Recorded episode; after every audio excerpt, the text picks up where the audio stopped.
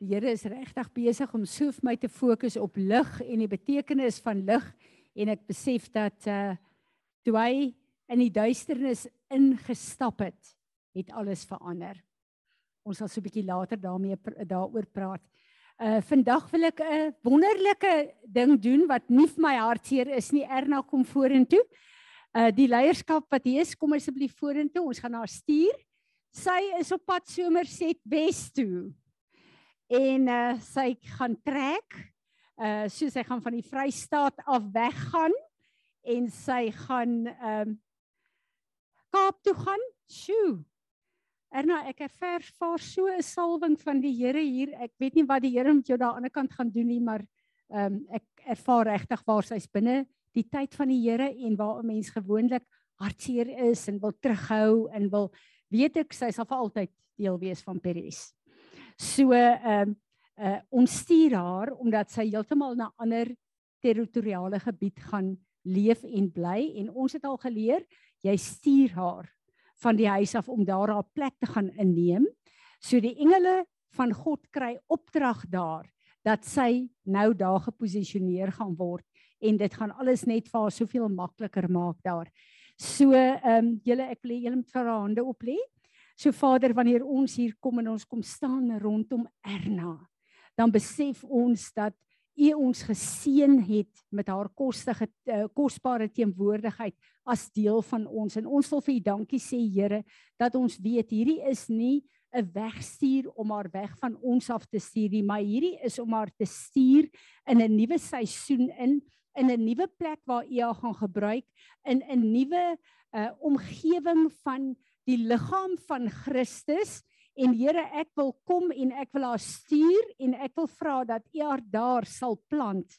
En Vader dat dit wat U in haar gedeponeer het deur hierdie jare dat sy U lig sal wees daar en dat dit wat uit haar uit gaan vloei so stromende lewende water sal wees wat mense wat dors het wat honger het uh, honger het uh, is wat liefde nodig het by sal kan kom voed.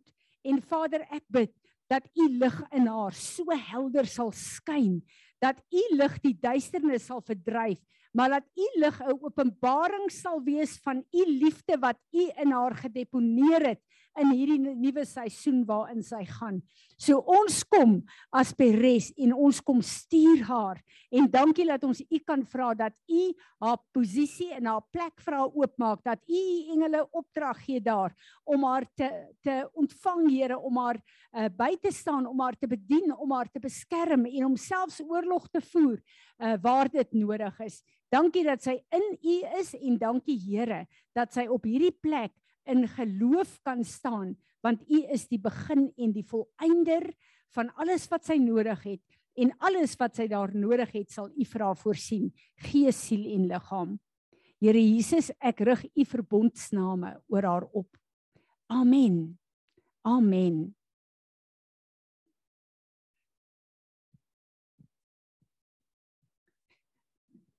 Marina sal jy net vir die Zoom mense oopmaak Daar sê julle kom laat ons uh, bid. Dis my altyd so opgewonde plek om te weet dat uh, ons is 'n huis van gebed bed en ons kan God se bidders wees. Ons kan sy mond wees.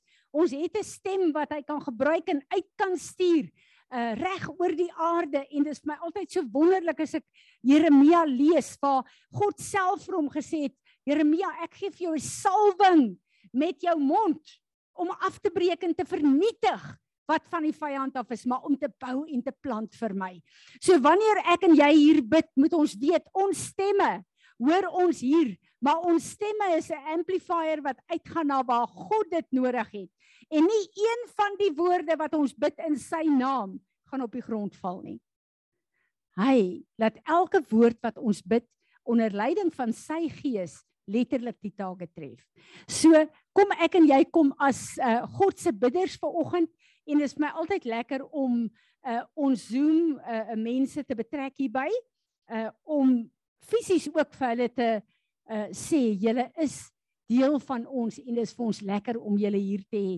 So Eugene, ek gaan vir jou vanoggend vra om vir ons te bid vir Suid-Afrika asseblief. En uh Andre van Eden, ek gaan vir jou vra om vir ons te bid vir ehm um, Israel asseblief. En Piet, ek gaan vir jou die moeilike opdrag gee. Waar's Piet nou om te bid vir Amerika? Ehm um, goed en dan gaan uh, ek vir Erna vra. Ons moet bid vir hierdie oorlog. Dat ons sal bid wat op God se hart is en ons moet weet die woord wat die Here gegee het nou na die oorlog begin het. Ons moet versigtig wees. Ons is aan God se kant. Ons is nie aan in 'n land se kant nie. Ons is aan God se kant. En laat ons baie versigtig sal wees. Hier gaan WhatsApps rond wat mense opgeroep word om te bid wat my hare laat rys, dan dink ek Here, waar is u kerk? Wees versigtig wat jy bid saam met wie jy bid.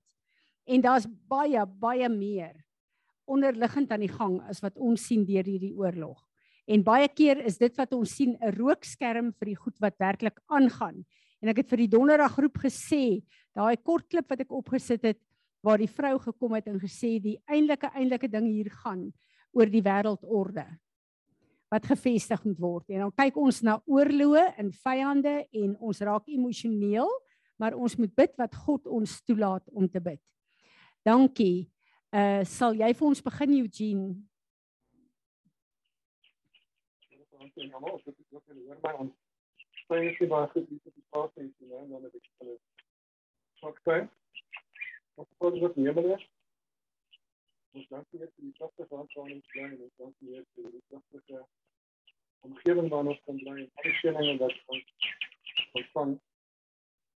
Ek sê dit is aan tyd vanuit ons land af. Dit is ons vandag in ons werk vir die kompetensie van die regering. En ons weet dat die enige persoon wat die wyder uit daardie regering uit wat wat nie tot spesifiek is. Ons kom en is hier vir die Ons staat wat die pad is vir ons om hierdie inenting te doen. Ek glo dat dit die regte daar is vir baie hier en dat dit dan die regte antwoord sal gee. Dat dit eers van die van die sal wees hier. En ons staat vir kennis en wysheid vir ons baie, dat die regte tyd kan neem hier. Wat alles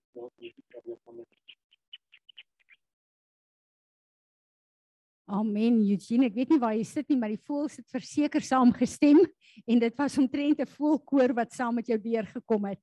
Baie dankie. Andrei, sal jy vir ons bid asseblief?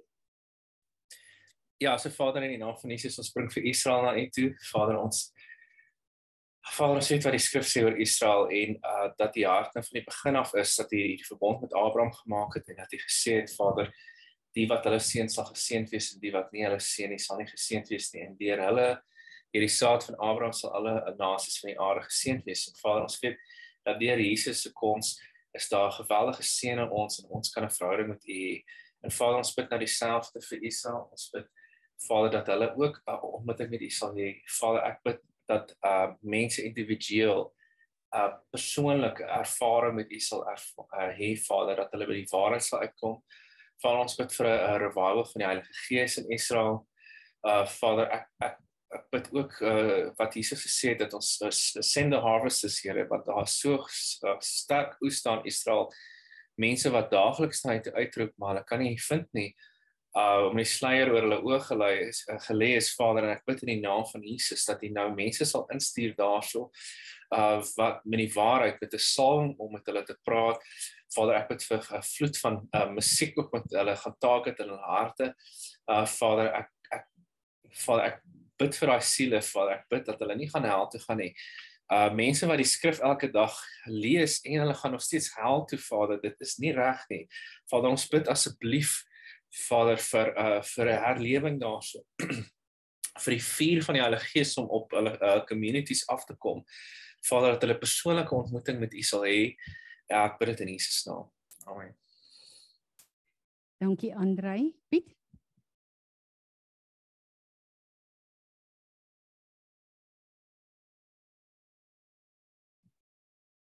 nie net vrouens wat kan multitask nie.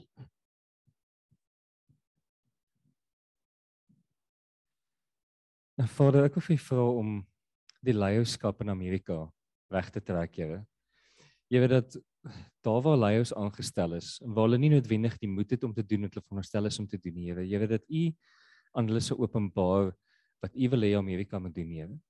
Weet waar Amerika eintlik maar 'n leier in die wêreld is. Weet dat hulle die verantwoordelikheid sou opneem en die erns sal besef van die verantwoordelikheid wat hulle het, Here.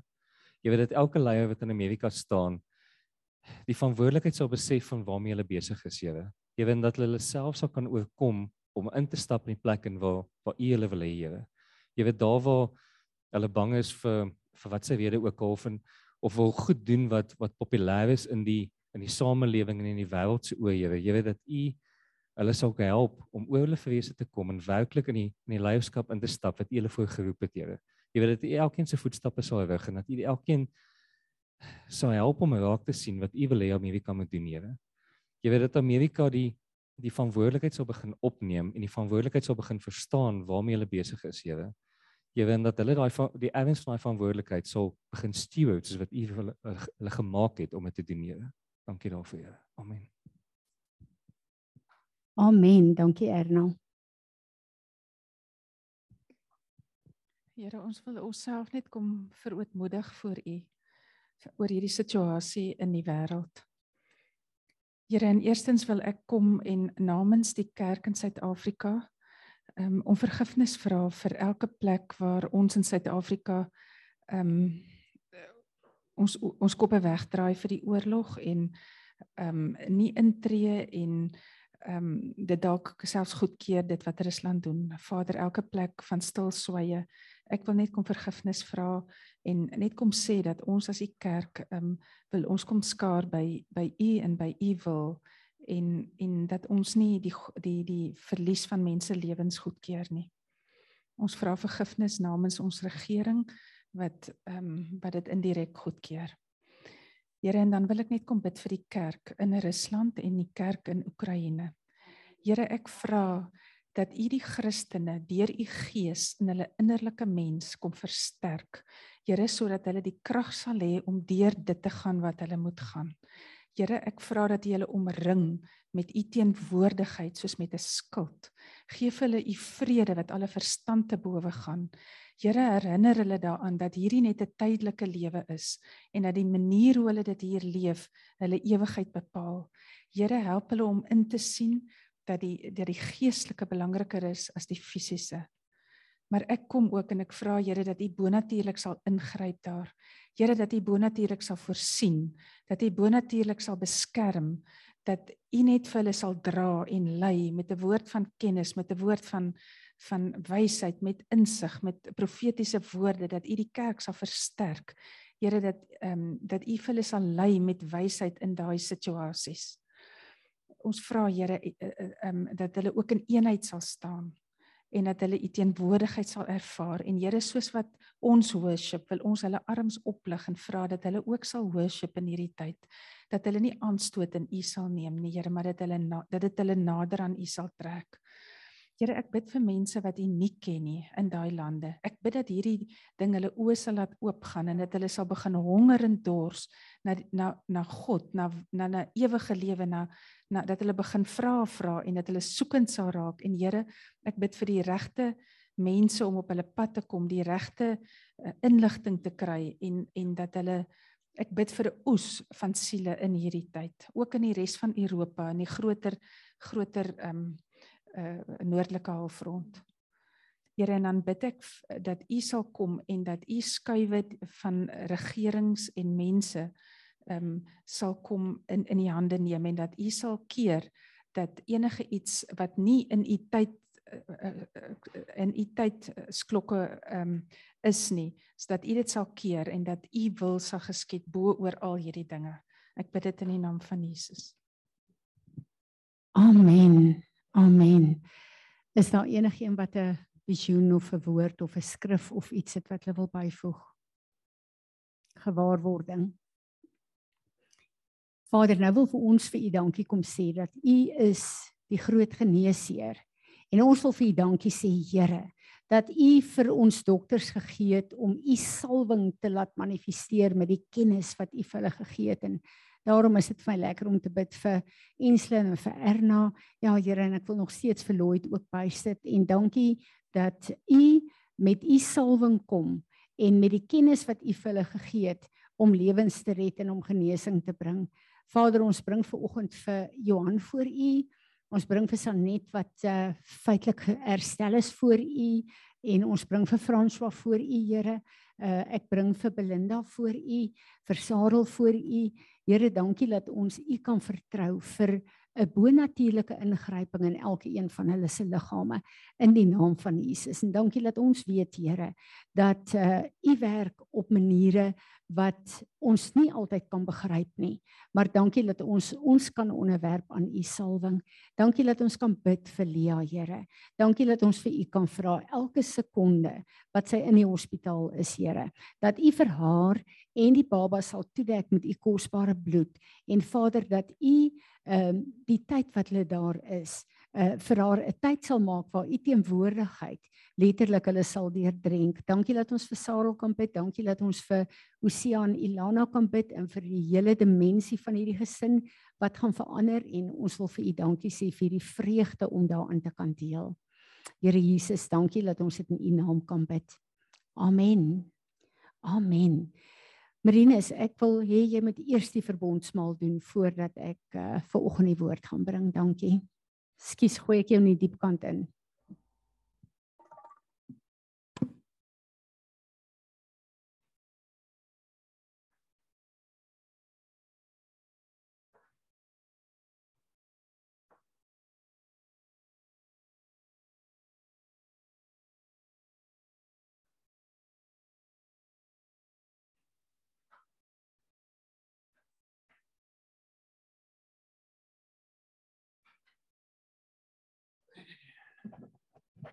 OK, sorry, ek het nou weer 'n volgende storieetjie. Ehm, um, kom op play.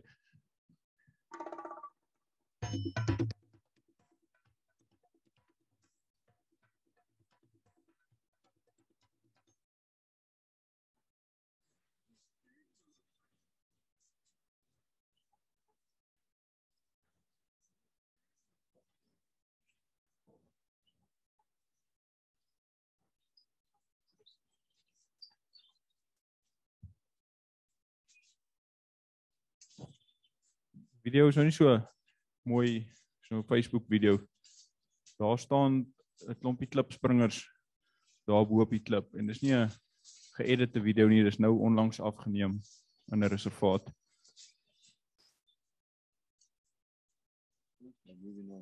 Ja, ek het dit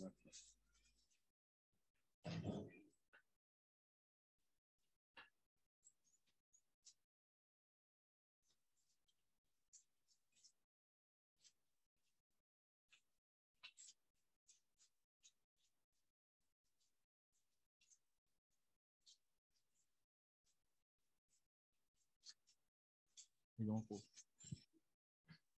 Maar hy gaan nou so rukkie so aan, maar eventually gaan die honde weg.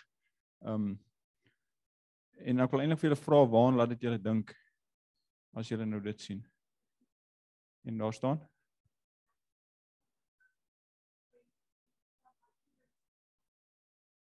Ja.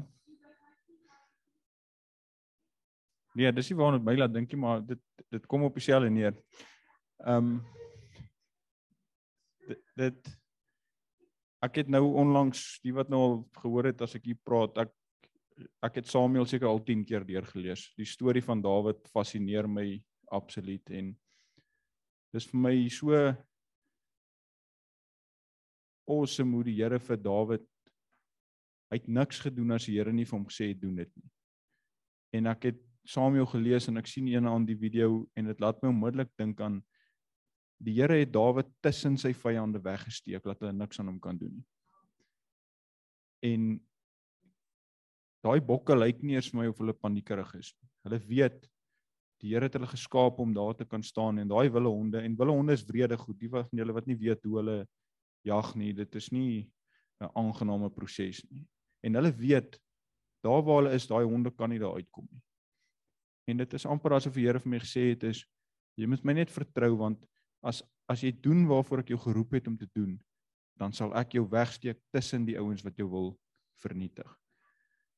En ek lees toe nou weer verder van Dawid en en dit laat my wonder want Dawid het soveel keer die geleentheid gehad om te doen wat ons almal eintlik sou doen en dit was om vir Saul dood te maak. Ek meen, hy twee keer by Saul gestaan wat hy Saul regtig kon doodmaak en hy het dit nie gedoen nie. En elke keer as ek die storie van Dawid lees dan ontdek ek iets nuuts. Dawid het die, toe Saul dood is en hulle Saul se kop afgekap het, het Dawid daai mense laat doodmaak. En ek kon nou nie dit lekker verstaan nie en en en en Dawid sê maar julle het die een wat God gekies het om die volk te lei doodgemaak. En eintlik gaan dit nie oor Saul daar nie, dit gaan oor jy het iets gedoen teen die wil van die Here. En toe laat dit my nog ons bietjie dink want ons is ook nou besig in Parys om te gesels oor hoe hoe hoor jy die stem van God en wat moet ons doen op die op die Sabbat het Piet laasweek gevra en ons kan daai vrae vra en vra en vra en ons gaan elkeen wat hier sit kan 'n opinie hê maar as jy nie kan gaan hoor by die Here wat om te doen nie dan gaan ons oor 2 jaar dieselfde vrae weer vra. En dis die dis die plek waar ek wil by by uitkom. Ons sal moet regtig leer om die Here se stem te hoor. Ek luister in die week 'n ding gous vir my gestuur het. Gaan nou nie oor die topik praat wat die ouer gepraat het nie, maar die ou sê as jy 29 jaar 'n kind van die Here is en jy kan nie sy stem hoor nie, dan is daar fout. En dit het my nogals bietjie geruk. Weet, ons kan maklik vir iemand anders vra, hoor jy bid bietjie saam met my. Ek weet nie wat die Here sê nie en daar's niks daarmee verkeerd nie. Ons moet dit doen. Maar ons moet op 'n plek kom waar ons kan self hoor ook. En uh ek dink veral in die tye waarin ons nou gaan begin beweeg, dit dis oorlog en dis te mekaar en almal het 'n opinie en is Rusland nou reg, is Oekraïne nou reg en dit is soos tannie sê. Ons kan nie bid vir mense se opinies nie, ons moet bid wat op Vader se hart is. En ek wil amper sê Dawid het dit so goed reg gekry. Hy het niks gedoen as die Here nie vir hom gesê het doen dit nie. En hoeveel keer het hy die geleentheid gehad om reg in eie hande te neem dan sê die Here vir hom nee dan bid hy dan vra hy vir die Here moet ek die mense gaan doodmaak dan sê die Here gaan ek is saam met jou. En ek dink ons moet terugkom na daai tipe verhouding wat Dawid gehad het. En eintlik wil ek julle net bemoedig vanoggend en sê dat dit maak nie saak wat aangaan en wie se opinie reg is en wie verkeerd is nie. In Parys het ons is ons gelukkig om 'n omgewing te hê waar jy kan 'n fout maak sonder dat mense jou met klippe gaan gooi. En ons moet dit gebruik. Ons moet hier in die omgewing leer om te hoor wat die Here vir ons sê. Ons gaan verkeerd hoor. Ek het al verkeerd gehoor. En wanneer jy verkeerd hoor en iemand help jou reg, moenie offens vat in die ou nie want dit is die omgewing waarin jy gesit is. Dit is nie lekker om te hoor jy was verkeerd nie. Ek hou nie daarvan nie. Soos ek dink ook nie julle daarvan hou nie maar hierdie is die, is die omgewing en dis 'n veilige plek waar ons kan leer om die Here se stem te hoor want as jy terug is in die wêreld is daar niemand wat vir jou gaan sê jy het nou verkeerd gehoor nie. Hulle gaan van die verkeerd hoor gebruik maak om jou verder weg te trek van die Here. So gebruik die plek hier. As dan die Fransie vra, het iemand iets gesien en jy voel jy het iets gesien, maar jy het ook nie regtig iets gesien nie, sê vir haar. Die Here het haar die verantwoordelikheid gegee om dit te gebruik en of om dit nie te gebruik nie. Here, dankie dat ons vanoggend net kan stil word voor U, Here, en dat ons vanoggend net soos wat daai klipspringers op daai uh, rots staan, Here, net kan sê, Here, dat dat U is ons rots, Here. Partykeer voel dit of of die wêreld teen ons as U kinders is, Here, en ons het nie 'n opinie nie en ons het nie 'n sê nie, Here. Maar eendag, Here, sal elke knie buig en elke tong sal getuig, Here, dat U God is. Net soos wat daai bokke op daai klip gestaan het, Here, en en geweet het dat daai wille honde kan niks aan hulle maak nie want hulle kan nie daar uitkom nie. Al is hulle hoe lus om daar uit te kom, hulle kan nie. Net so wil ek ook vra Here dat U vir ons sal toemaak met U bloed in hierdie tyd, Here. Ek bid dat in hierdie week wat kom, Here, dat U vir ons sal nader trek aan U Here dat ons nie sal bid vir opinies wat leiers gee in die wêreld en wat mense sê die een is verkeerd en daai een is verkeerd nie, Here, maar dat ons na U toe sal kom en dat ons sal stil raak voor U Here en vir U sal vra wat is op u hart, Here. En dat ons sal begin saam bid vir wat op u hart is, Here.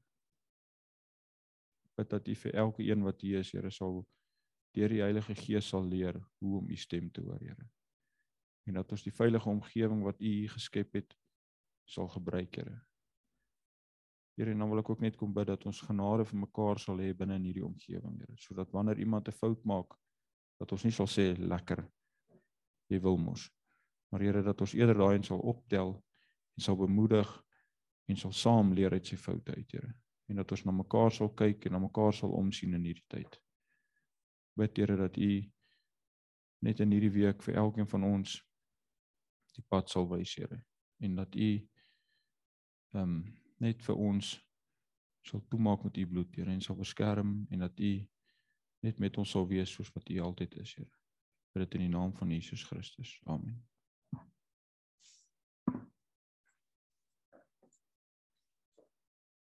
Ehm um, oor ehm um, Dawid en toe Saul se kop wat éventueel afgekap is. Het ek gedink ons almal wil graag 'n hart soos Dawid hê en 'n Dawid voor die Here wees. Maar dit kos eintlik 'n Saul in ons lewe om 'n Dawid voor te bring. En dan gaan ons terug na die skrif in Efesiërs waar die Here vir ons sê die die ehm um, geveg is nie tussen vlees en bloed nie.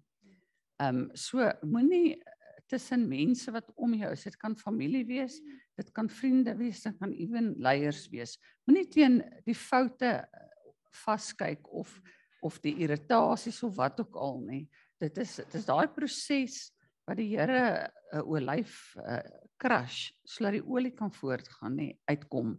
Dit is uh, ons moet ehm um, regtig in aanbidding voor die Here kom. En ek sê vir Fransie, die slawe, dis 'n ou bekende ehm um, storie dat hulle as hulle deur moeilike tye gegaan het, dan het hulle begin sing. En baie keer in ons huise hoor ons die bediendes nog steeds sing. So dis waar dit vandaan kom en baie keer is as ek iemand hoor, al is dit net half 'n neerie 'n uh, uh, sagte singgeluid, nê. Nee. Dan uh, dink ek, um, dis eintlik hoe ons voor die Here net moet wees en en moet sing en om net moet loof en prys want die Here is besig met 'n proses in elkeen van ons. Nog iemand wat 'n woord het? Dit is my baie interessant Marinus. Ek het ver oggend die gedeelte gelees waar die ehm um, uh messenger gekom het en uh gesê het Saul se kop is afgekap. En Dawid het dadelik daai man laat doodmaak. Hy het gesê ek wil niks doen om saam te stem met die onreg wat aan 'n gesalfde van God gedoen is nie en laat hy daar eh, vir sy manne gewys het hy laat daai man doodmaak want eintlik ons vlees ons menslike vlees behoort te sê dankie tog hy's doodgemaak en ek hoef hom nie dood te gemaak het nie. Hy wil niks te doen hê met enigiets wat iets te doen gehad het met die dood van Saul van God se gesalfde nie. En dit het my hart vanoggend so aangeraak. En Marinus dit wat jy vanoggend gesê het het my hart so aangeraak. En hierdie hele beeld van hierdie wille honde met daai bokkies Ek dink as ons regtig waar hierdie lied wat ons so oor en oor sing, hierdie skrif wat ons so so kwoteer wat Dawid vir ons gegee het, as ons regtig verstaan wat dit is om te midde van aanvalle in God in te tree, dan gaan soveel dinge in ons lewe verander. En ek het uh, woensdag het ons daar die nuwe maand se hekke ingeneem namens ons almal maar daar was so kragtige salwing van die Here en die Here het vir my so openbaring gegee. Ek het gis uh Vrydag by skool dit 'n uh, bietjie gedeel met die onderwyseresse, maar ek voel net die Heilige Gees sê ons moet eienaarskap neem van hierdie hele openbaring wat die Here gegee het, want ons het dit almal nodig. Wie van julle is op 'n plek waar julle sê ek hou op bid want ek dink my geloof is te klein. God werk nie. Ek het al soveel hieroor gebid, maar my ek dink my geloof is nie reg nie. Of miskien het ek nie genoeg geloof om iets te doen nie. Wie van julle was al daar gewees? Ek is baie baie kere daar. En dit voel vir my dat hierdie openbaring wat die Here vir my gegee het, is 'n sluier wat God voor my wegvat. So ek bid dat die Heilige Gees hierdie openbaring vir ons sal gee. Dat ons 'n groep mense sal wees, 'n gemeente sal wees wat sal staan in die geloof Jesus Christus, ons Here en ons Meester. Nou soos wat ons gebid het oor die hekke van van Adar en die uh die goed is op uh, uh op uh ons spotbeans uh, wat Piet dit opgesit het. So die van julle wat wil saam bid kan saam bid daar.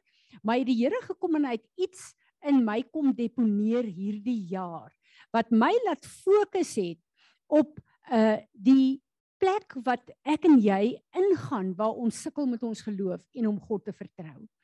En hy kom en hy sê dat soos wat Uh, in hierdie maand is dit letterlik die tyd gewees toe ehm um, die disippels nie geld gehad het nie en die uh regering van die dag wou hulle vervolg so hulle moes belasting betaal. En Jesus het vir hulle gesê gaan na die uh, vis toe vir Petrus en hulle het letterlik die bonatuurlike resources getrek in die fisiese in. Want hoe bonatuurlik is dit om na 'n vis toe te gaan om geld te gaan kry? in plaas van bank toe te gaan om geld te gaan kry. En hierdie is die maand waar ons letterlik moet besef daar is 'n oop hemel. Hoekom is dit so belangrik dat ons hierdie maande doen? Want in hierdie maand God hou tyd in sy hande. Is daar 'n oop hemel vir sekere goed wat ons kan bid en sekere goed wat ons hom voor kan vertrou. So ons kom en soos die Engelse sê align met God se tydsklok. En daarom is daar sekere tye wat sekere goed vir ons uh maklik is en wat ons tot God kan nader daarvoor. Nou ek en jy is wedergebore omdat die eerste Adam gesondig het en sy gees gesterf het. Ek en jy is die uh uh die laaste Adam, nie die tweede Adam nie, die laaste Adam het gekom om my en jou weer in daai plek te kom plaas. Ons almal verstaan dit, ons almal weet dit. Maar die eerste Adam As ons gaan kyk na die geskrifte van die rabbies wat die woord en die Hebreëse letters en woorde en die wortel betekenis daarvan waar hulle dit bestudeer, dan sê hulle dat die eerste Adam was 'n briljante lig op aarde. Hy het nie 'n vel gehad soos ek en jy 'n vel het vandag nie.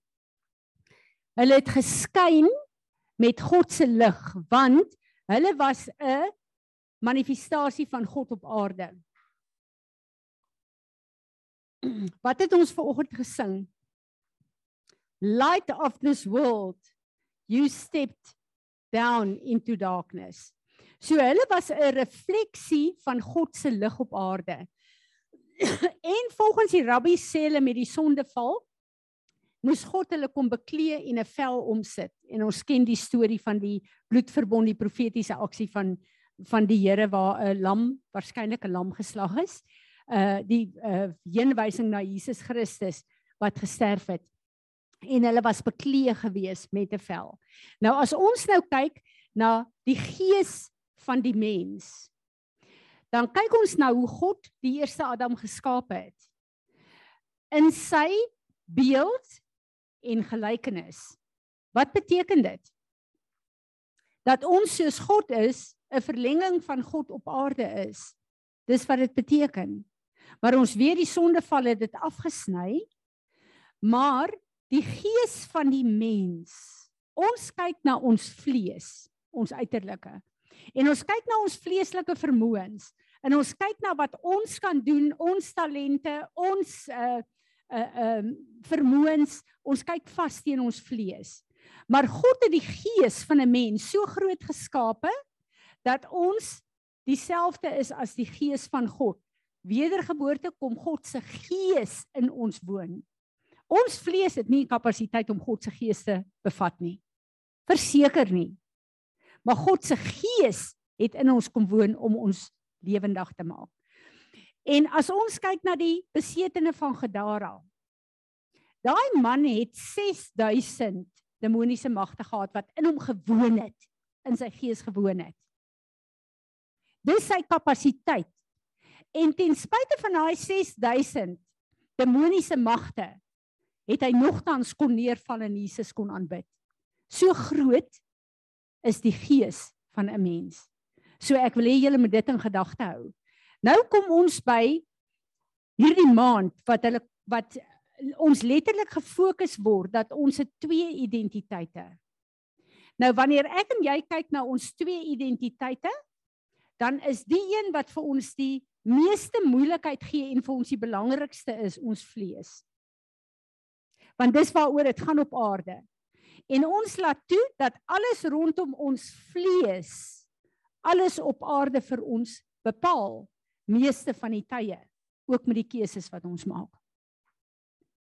En ons laat toe dat die vlees ons so beperk hier op aarde dat baie van die goed wat God vir ons hier geroep het om te doen, ons kan nie dit doen nie omdat ons in die vlees wandel, want ons kop sê vir ons jy moet 'n realist wees en jy moet prakties wees. Wat beteken dit om te sê jy moet prakties wees en 'n realist wees? Die realiteit van hierdie wêreld moet jou realiteit wees. Dis wat 'n realist is. En ons vergeet, ek en jy is wedergebore deur die bloed van Jesus, die laaste Adam, wat ons teruggekoop het in die plek van die eerste Adam. Wat beteken dat ek en jy het die vermoë om dit wat in die gees is te trek, om te manifesteer soos God dit oorspronklik bedoel het op aarde. So ek en jy moet op 'n plek kom waar ons die onwaarskynlike op aarde gaan oorbrug met die waarskynlike van God om soos in die hemel so op aarde neer te trek. En hoe begin ek en jy dit beoefen? Ek en jy begin bid vanuit 'n plek waar ek en jy verwag dat die onmoontlike moontlik gemaak gaan word. En ek staan met hierdie hele uh ek het so warbel van emosies die afgelope tyd in my met uh Johan met uh sy rug wat so pyn. Nou Ensel en Erna kan vir julle sê die dokter uh, na wie toe hy gaan is een van die beste dink ek in in ons land.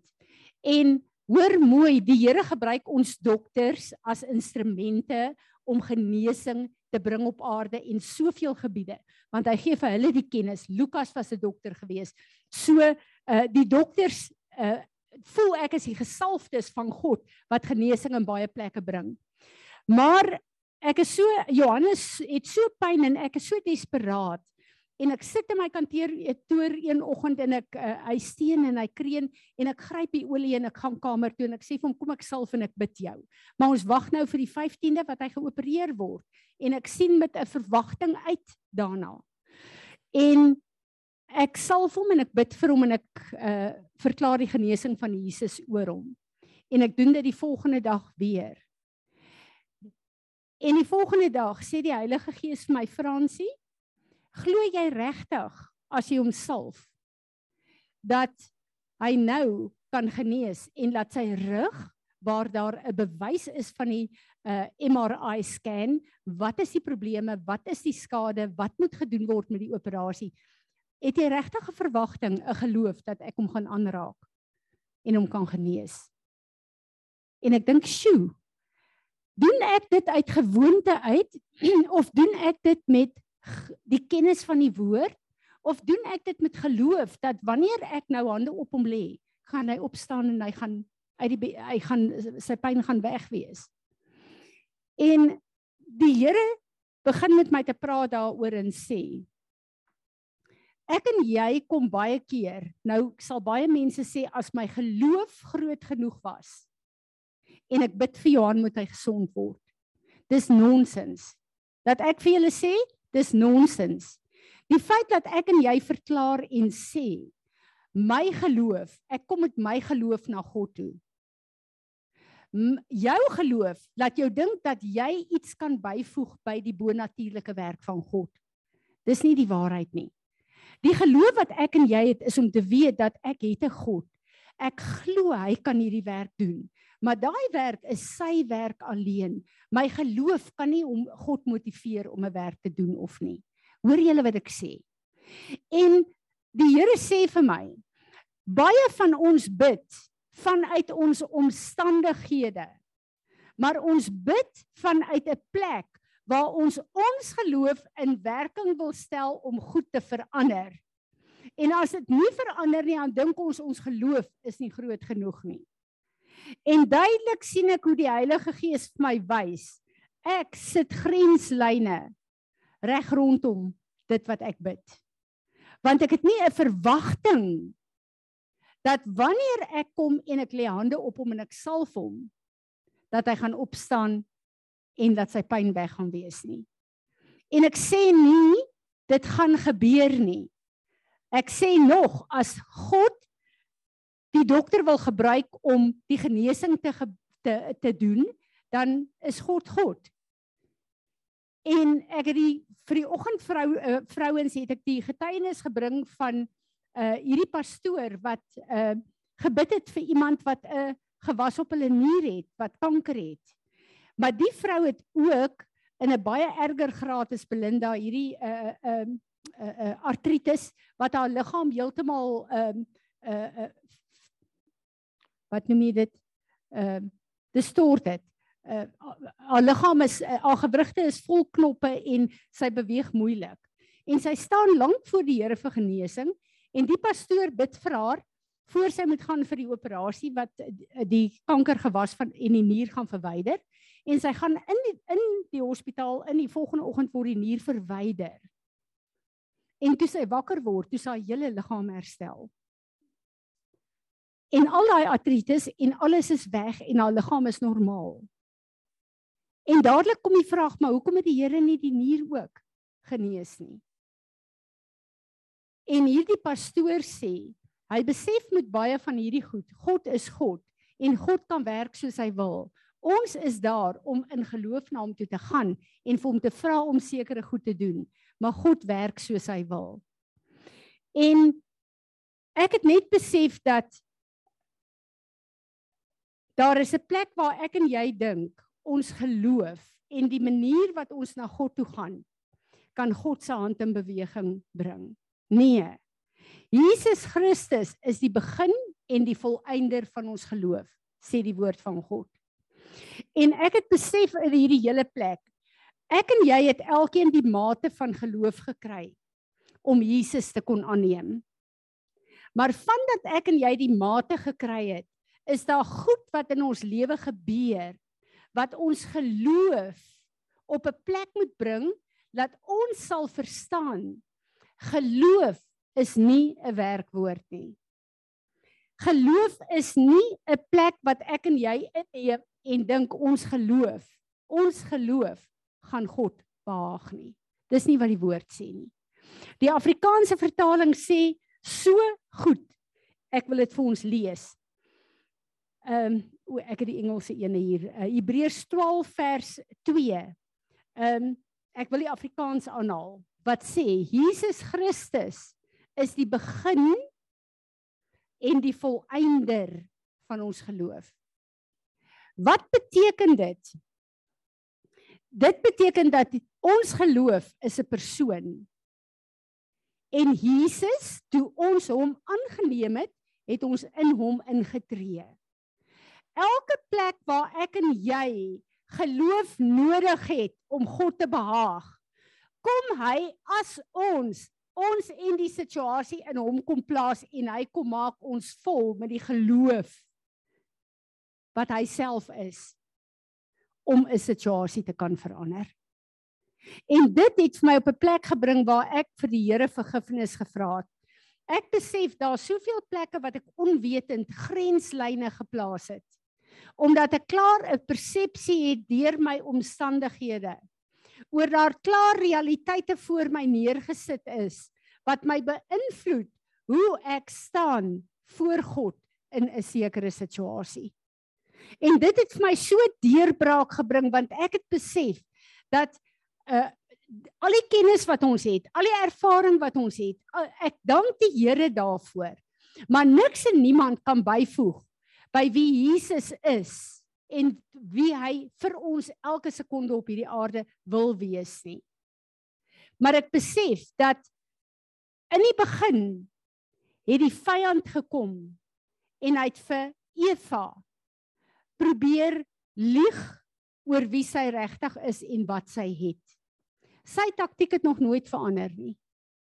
Hy wil vir my en jou vertel dat ons omstandighede groter is as die God wat ons dien. Maak nie saak of dit finansies is nie, maak nie saak of dit jou gesondheid is nie, maak nie saak wat jou probleem is nie. Die vyand wil ons kom vertel dat God het nie die vermoë om ons te help of ons te red nie. Wat ons op 'n plek bring dat ons bid, maar ons bid vanuit ons geloofspogings. Ons tree nie terug en sê Here Jesus, U is die een wat gesterf het. Die prys betaal het vir alles wat ek hier op aarde moet deurgaan nie. Ek tree terug in U en dankie dat die volle maat van geloof wie U self is na vore kom in hierdie situasie om hierdie situasie te verander volgens U perfekte wil.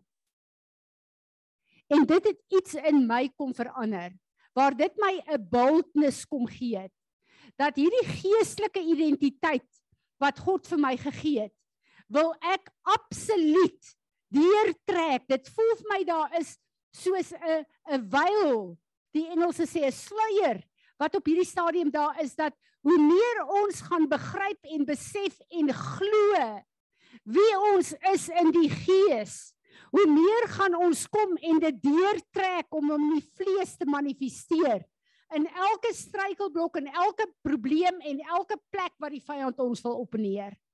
Ons het die vermoë om soos dit in die hemel is af te trek op aarde. God het gekom. Hy het Jesus as die laaste Adam, nie die tweede Adam nie, gestuur. En wat beteken dit letterlik?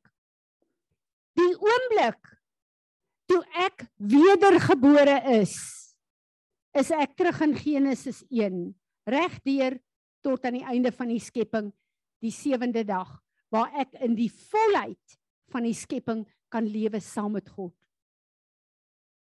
Die afgehandelde werk van God is op die sewende dag. Die eerste dag waarin Adam gelewe het. Wat beteken dit? Dit beteken dat hy in God se teenwoordigheid is en dat daar niks is in hierdie aarde wat ooit teen hom sal kan kom of die werk van God in sy lewe kan kanselleer nie. Dis wat ek en jy het. Maar die vyand lieg vir ons en hy wil ons laat glo ons het dit nie. Daarom leef ek en jy nie in die oorvloed van dit wat hy vir ons gekry het nie. En daarom is baie van ons tyd in ons uh uh uh fokus wat ons het op ons probleme en ons op on, op ons omstandighede en nie op God en op sy woord nie. En ek wil vir julle 'n gedeelte lees wat ehm um, uh uh Francis Frangipane geskryf het wat vir my so hier by aangaan. As Christians, our faith tells us that Christ died as looking away from all that will distract us and focusing our eyes on Jesus, who is the author and the perfecter of faith. The first incentive for our belief and the one who brings our faith to maturity. Who, for the joy of accomplishing the goal set before him, endured the cross, disregarding the shame, and sat down at the right hand of the throne of God, revealing his deity, his authority, and the completion of his work. Wat sê hierdie skrifgedeelte? Jesus het gekom om te sterf sodat hy deur alles wat op aarde met ons gebeur as ons in hom is ons geloof tot maturity sal bring. Wat beteken ek en jy staan op 'n plek van geloof waar ons ten volle geklee is met die wapenrusting van God maar ook met die lig van God. Om letterlik die duisternis wat teen ons kom nie net te verdryf nie maar om vir ons te wys waarteen ons regtig staan. Want baie keer dan kyk ons na omstandighede maar dan sal onderliggende goed wat ek en jy nie raak sien nie. Dan weet ons nie hoe om te bid en wat om vir die Here te vra nie. We believe he actually rose from the grave as, as proof that he was indeed sent by God. Yet it is also our conviction, uh, conviction that upon this resurrection event, not only were the sins of mankind atoned for, but through Christ a second Genesis began. Wat het gebeur in Genesis 1? God het heel eerste sy woord gegee. Ek en jy die woord van God. Wat het die woord van God gedoen? Hy het 'n goddelike orde gebring. Al die chaos wat die vyand en omstandighede in ons lewe wil bring, wat verwarring bring, hy het onmiddellik 'n goddelike orde gebring. Dit is wat dit beteken om in die plek te staan van die laaste Adam. Genesis 1 is weer volbring in ons lewe. Paul explains The first man, Adam, became a living soul. The last Adam became a life giving spirit. Ek en jy het 'n life giving spirit in ons wat nooit ooit weer kan sterf nie. Maar wat die volheid van alles wat God vir hierdie aarde geskape het in en deur ons kan laat vloei. Ek en jy is die enigste een wat dit gaan keer. Ek en jy is die enigste een wat 'n minderwaardige lewe van die realiteit wat hy vir ons kom bring het, gaan lewe. Net ek en jy. Niemand anders kan dit doen nie. The word Adam means man and is representative of mankind. Now there are now two Adams or two species of men. The first species of man is the descendant of the sinful Adam. Dis hoe ek en jy op aarde gekom het. His life orbits around his carnal and natural desires. He carries both the DNA of Adam's nature and the consequences of Adam's sin. This natural man is focused upon fulfilling the needs of his soul. He is indeed a living soul, but he is controlled by fears, physical needs, intellect boundaries, cultural environment, and sin. The second species or race of man is spirit centered. His thoughts, his dreams, his experiences originate primarily from the Holy Spirit who lives in union with him. Hoe groot is jou gees? Hoe groot is my gees? Die lewende God woon in ons. Glo ons dit? Ek dink as ek dit verragtig glo, gaan my lewe anders begin lyk. As ek dit regtig glo, gaan my lewe anders begin lyk. The highest aspiration of the spirit-centered man is not on attaining natural successes but upon attaining conformity to Christ. While the first man lives to receive the world around him, the last species of man, the Christ man, lives for what he can give to those around him. He is a life giving spirit. The first Adam engendered descendants with problems. The spiritual descendants of the last Adam provide the world with answers. Het ek en jy God se antwoord? Is ek en jy God se antwoord vir die probleme rondom ons? Dis waarvoor hy ons gered het. While men divide over many things, culture, skin color, language or social status, from God's view mankind kind is only truly divided to two subsets. Those controlled by their souls and those controlled by the Holy Spirit. One race is dead to sin, the other is alive in Christ. One species of man is destined to perish, the other will live forever. Just as the first Adam passed sin, weakness, and death to his children, so the second Adam, Christ, passes virtue, power, and eternal life to the children of God. Therefore, if any man is in Christ, he is a new, a new creature. The old things passed away, behold new things have come. Dis vir my so 'n realiteit om te weet daar's iets wat ek en jy moet doen in hierdie tyd. Ons praat almal oor verandering, ons praat almal oor 'n nuwe seisoen, ons praat almal oor 'n remnant. Dit gaan nie uit die lug uitval nie. Gisteraand praat ek en Erna oor iets en ek sê vir haar daar was vir jare iets in my gewees. As mense wil bid vir herlewing, dan se ek omgekrap. Ek wil nie saam bid nie. En dan voel dit vir my maar wat is verkeerd met my en ek het nie die woorde skat gehad nie. En maar ek het hierdie irritasie gehad van herlewing. En ek luister na een van die geestelike leiers wat iets sê en skielik kom die besef van wat ek ervaar het.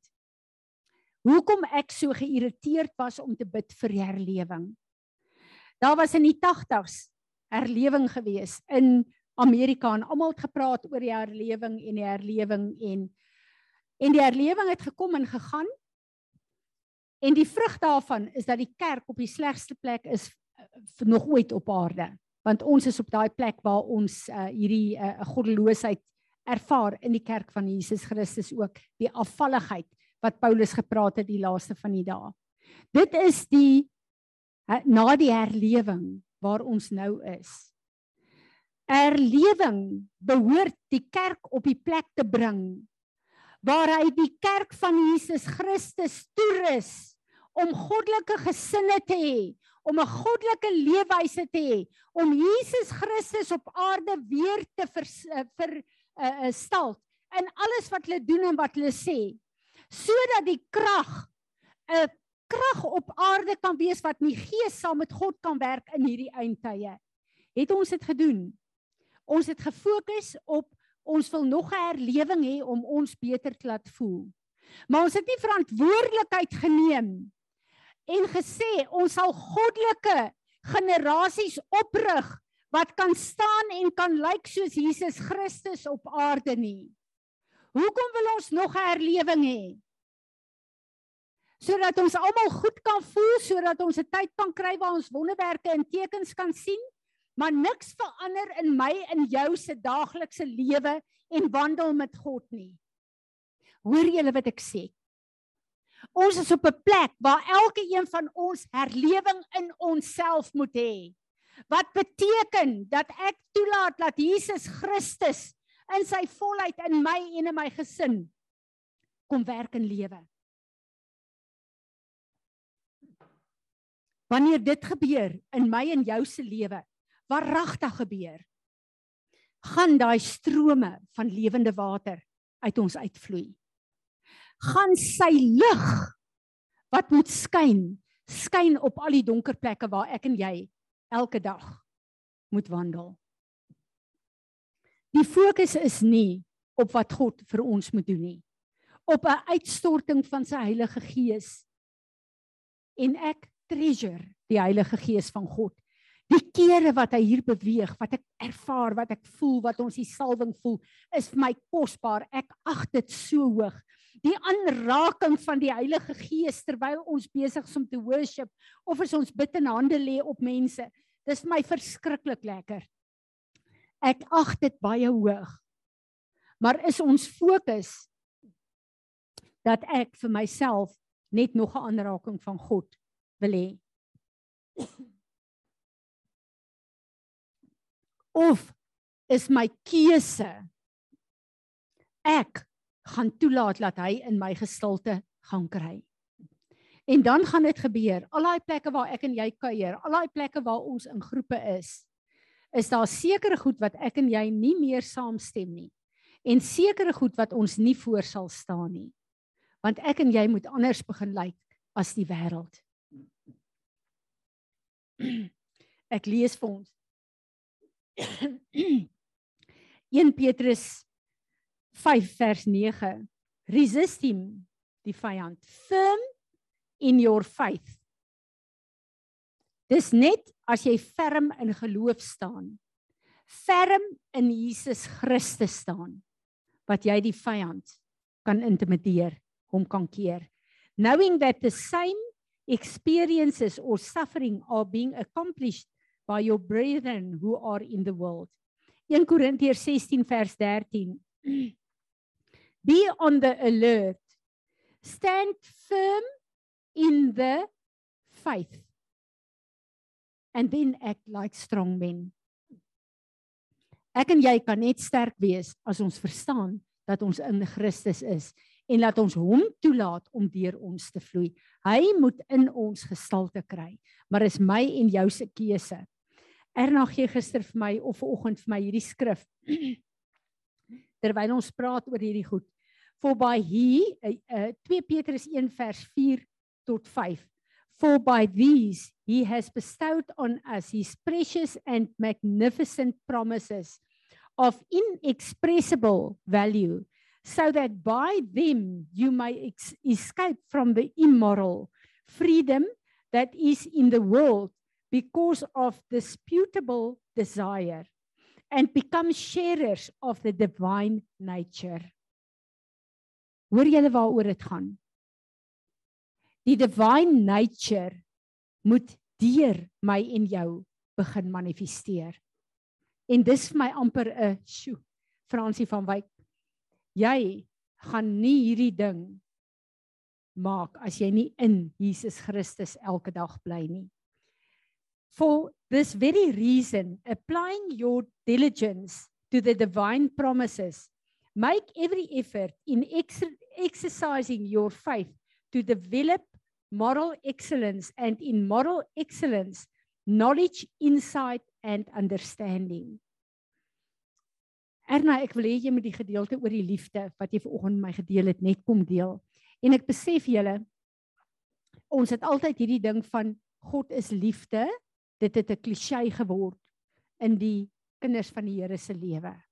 En dis amper of as jy wil 'n uh, 'n lering hoor oor die liefde van God dat uh jy dink nee wat ek het al daaroor gegroei. Maar ek wil hê Erna moet net gou uh, met ons kom deel hierdie skrif en sommer dit wat jy vir my gesê het vanoggend.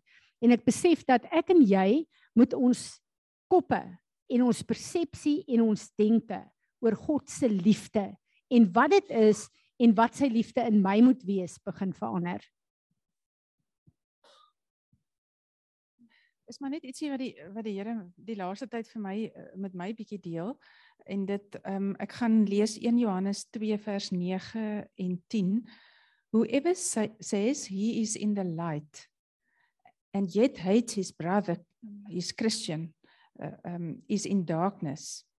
Whoever loves his brother believer abides in the light en ek het altyd ook 'n jong Christen was dit ons altyd hierdie gelees van ehm um, jy met jou sonde bely dan bly jy in die lig. So as jy nou enigins enigins iets verkeerd gedoen het, dan bely jy dit teenoor iemand as jy nou weer in die lig. Maar ek het nie so in diepte verstaan dat dit eintlik gaan daaroor dat as ek nie elkeen van julle liefhet met die Here se liefde in my nie, as daar 'n stukkie is in my wat terughou, 'n stukkie uh miskien waar ek aanstoot geneem het en gedink het wel ek vergewe jou, ek aanvaar jou, maar ek gaan nou nie jy weet jy gaan nou nie my beste pel raak nie. Daai stukkie donkerheid in my is nie liefde nie. En en en en dit is 'n opdrag. Ehm um, ek het nou die dag gehoor hulle sê God se ehm um, sy karakter is liefde en sy sy substance is lig. Nou wanneer ons in sy liefde bly, hierso staan whoever loves his brother abides in the light. Wanneer ons in die liefde bly, bly ons in die lig. En Romeine 13 ehm um, ek dink is vers 14 sê ehm um, beklee julle dan met Jesus Christus met die wapens van die lig in julle linker en regterhand. So daai lig word vir ons 'n uh, soos 'n wapen, 'n beskerming, 'n wapenrusting amper. So sy liefde veroorsaak sy lig en dit word op die oomblik op die ou end vir ons 'n beskerming. Dis my wat wat ek hier net wil byvoeg wat uh uh toe Erna met my gedeel het hier besef ek net julle dat as ek en jy waaragtig die liefde van Jesus binne in ons het dan het ons sy lig want wat ons vroeër gesing het is light of the world you uh, light of the world you stepped into darkness. Die oomblik as sy lig in my en jou skyn, dan moet alle duisternis gaan. En dit is wat Erna nou sê met die wapens die wapen van die lig. Daar's niks wat die vyand kan doen. Daar's niks wat vir vir steek kan word wat teen ons kom. Wat nie openbaar gaan word nie want God se liefde se lig is in my en jou. Amen. Ehm um, Belinda en dan kan jy kom deel Erna. Enigeen wat nog 'n woord het.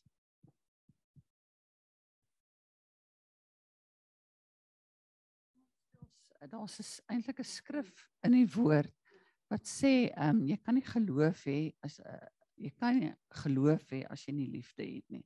Ek weet nie waar dit staan ek sal dit gaan soek. So um, al hierdie hele ding van geloof waaroor jy gepraat het, sluit aan by die liefde. Jy kan nie geloof hê sonder liefde nie. Amen. Erna, jy kan kom deel. Nog iemand wat 'n woord het? Skrif het.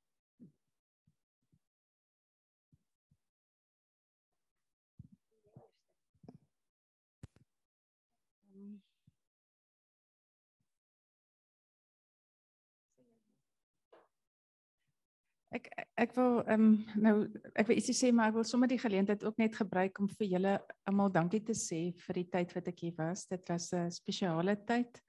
En dankie vir al julle aanvaarding, vergifnis, liefde en alles en ek wil regtig bid dat die Here julle elkeen sal seën in dit wat hy vir julle bedoel het. Van Joey tot Willem tot julle almal daar agter, vir elkeen van julle en vir jou ook wat net is hier dat die Here julle elkeen sal seën in julle roeping en dat julle julle identiteit in hom sal wees.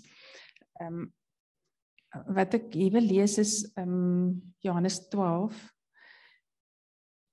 Dit gaan oor die koringkorrel wat in die saad moet val, ag in die grond moet val om vrug te dra. Dan staan daar if any of you wants to serve me, then follow me. Then you'll be where I am, ready to serve at a moment's notice. So ek wil regtig my gebed vir julle is dat dat die Here ehm um, daar waar julle werk, daar in julle in, invloedsfeer dat dat julle lig sal wees en dat julle sal dien op 'n manier dat die koninkryk uitgebrei sal word. Dat ons nie sal wag vir die herlewing voor ons iets doen nie, maar dat jy sal begin om te dien en soos wat jy dien, glo ek die Here gaan byvoeg by jou. Hy gaan jou bekwam om om meer te kan doen. So dit is my gebed vir Peres en elkeen van dankie Erna. Dankie Erna. Dit gaan eintlik oor aan die Erna toe ons vanoggend vir gebid het, het ek dis amper soos 'n time lapse van van spring wat besig is om te gebeur die die nuwe spruite wat so uitloop mos as jy daai video's kyk dan sien jy mos hoe vorm die blommetjies in die veld en dis wat ek gesien het en toe sien ek amper al soos die intro van 'n movie van 'n 'n jong dogtertjie wat hardloop tussen hierdie blomme in die in die veld. Ek weet absoluut dis 'n nuwe vars seisoen wat in Erna se lewe aanbreek. So ek is baie opgewonde vir haar en uh, ek dink daar gaan baie nuwe goed wees. Nog iemand wat iets wil sê? Daar sê Marinus, jy het gesê uh, ons kan nie meer daai ding speel van die see nie of kan ons nog? Is reg. Kom ons staan en ons ontvang die seën van die Here en uh, ja, onthou asseblief om vir Leon vir Sarel te bid.